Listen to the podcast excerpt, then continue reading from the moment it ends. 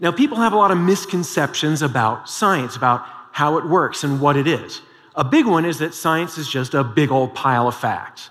But that's not true. That's not even the goal of science. Science is a process, it's a way of thinking. Gathering facts is just a piece of it, but it's not the goal. The ultimate goal of science is to understand objective reality the best way we know how, and that's based on evidence. Now, the problem here is that people are flawed. We can be fooled. We're really good at fooling ourselves.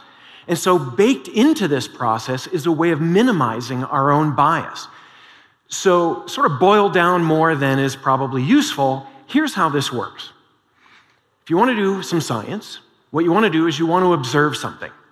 Say, the sky is blue. Hey, I wonder why. You question it. The next thing you do is you come up with an idea that may explain it, a hypothesis.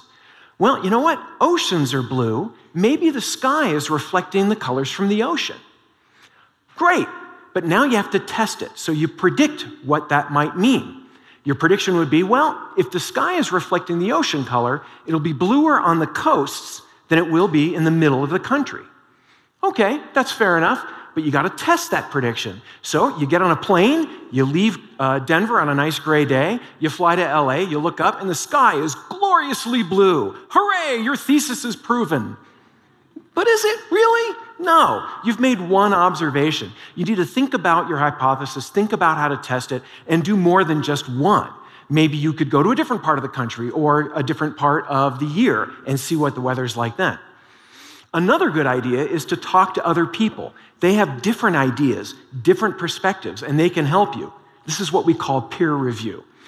And in fact, that'll probably also save you a lot of money and a lot of time flying coast to coast just to check the weather. Now, what happens if your hypothesis does a decent job, but not a perfect job? Well, that's okay because what you can do is you can modify it a little bit and then go through this whole process again. Make predictions, test them, and do that. And as you do that over and over again, you will hone this idea. And if it gets good enough, it may be accepted by the scientific community, at least provisionally, as a good explanation of what's going on, at least until a better idea or some contradictory evidence comes along. Now, part of this process is admitting when you're wrong. And that can be really, really hard. Uh, science has its strengths and weaknesses, and, and they depend on this. And one of the strengths of science is that it's done by people, and it's proven itself to do a really good job. We understand the universe pretty well because of science. One of science's weaknesses is that it's done by people, and we bring a lot of baggage along with us when we investigate things. We are egotistical. We are stubborn. We're superstitious. We're tribal. We're humans. These are all human traits, and scientists are humans. And so we have to be aware of that when we're, when we're uh, studying science and when we're trying to, to develop our, our theses. But part of this whole thing, part of this scientific process, part of the scientific method, is admitting when you're wrong. I know, I've been there. Many years ago, I was working on Hubble Space Telescope, and a scientist I worked with came to me with some data. And he said, I think there may be a picture of a planet orbiting another star in this data. We had not had any pictures taken of, of planets orbiting other stars yet. So if this were true, then this would be the first one, and we would be the ones who found it. That's a big deal. I was very excited. So I just dug right into this data. I spent a long time trying to figure out if this thing were a planet or not. The problem is planets are faint and stars are bright. So trying to get the signal out of this data was like trying to hear a whisper in a, in a heavy metal concert. It was really hard. I tried everything I could, but after a month of working on this, I came to a realization couldn't do it. I had to give up. And I had to tell this other scientist the data's too messy. We can't say whether this is a planet or not. And that was hard. Then later on, we got follow up observations with Hubble, and it showed that it wasn't a planet. It was a background star, a galaxy, something like that. Well, not to get too technical, but that sucked. I was really unhappy about this. But that's part of it. You have to, you have to say, look, you know, we can't do this with the data we have. And then I had to face up to the fact that even the follow up data showed we were wrong. Emotionally, I was pretty unhappy. But if a scientist is doing their job correctly, being wrong is not so bad because that means there's still more stuff out there, more things to figure out. Scientists don't love being wrong, but we love puzzles. And the universe is the biggest puzzle of them all. Now, having said that, if you have a piece and it doesn't fit, no matter how you move it, jamming it in harder isn't gonna help. There's gonna be a time where you have to let go of your idea if you wanna understand the bigger picture. The price of doing science is admitting when you're wrong, but the payoff is the best there is knowledge and understanding.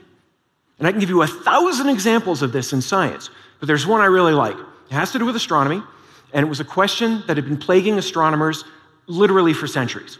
When you look at the sun, it seems special. It is the brightest object in the sky. But having studied astronomy, physics, chemistry, thermodynamics for centuries, we learned something very important about it. It's not that special. It's a star just like millions of other stars. But that raises an interesting question.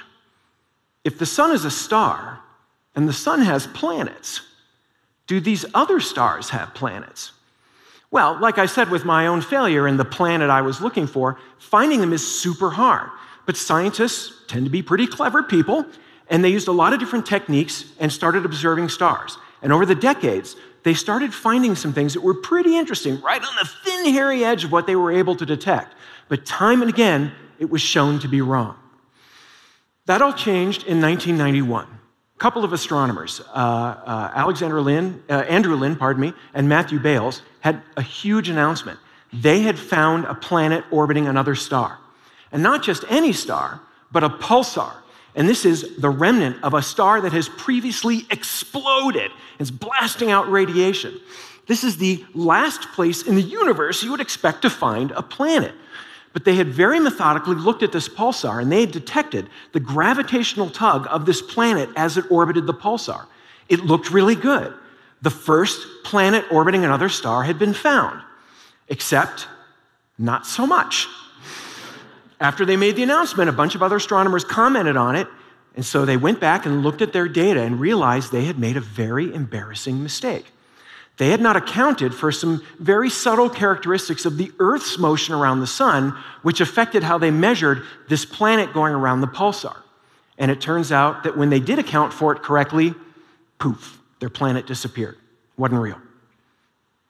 So Andrew Lyne had a very formidable task. He had to admit this. So in 1992, at the American Astronomical Society meeting, which is one of the largest gatherings of astronomers on the planet, he stood up and announced that he had made a mistake and that the planet did not exist. And what happened next, oh, I love this. What happened next was wonderful. He got an ovation. The astronomers weren't angry at him, they didn't want to chastise him. They praised him for his honesty and his integrity. I love that. Scientists are people. And it gets better.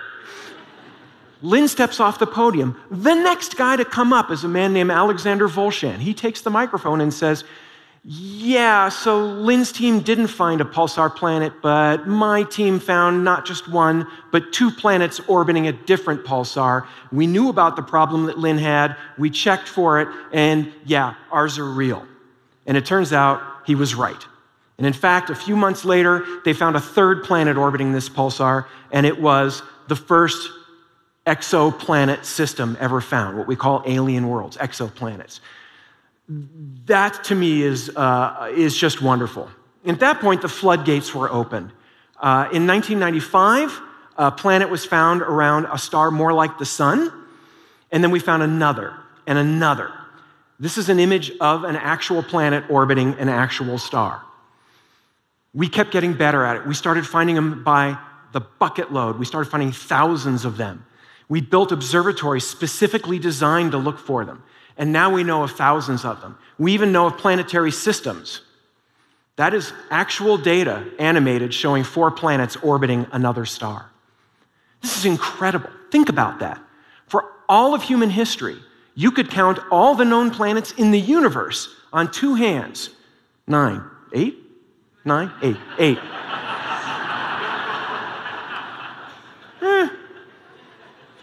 But now we know they're everywhere. Every star, for every star you see in the sky, there could be three, five, ten planets. The sky is filled with them.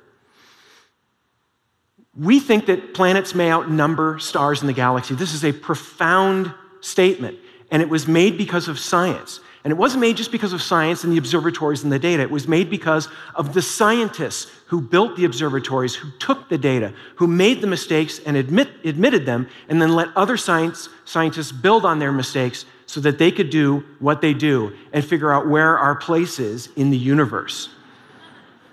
That is how you find the truth.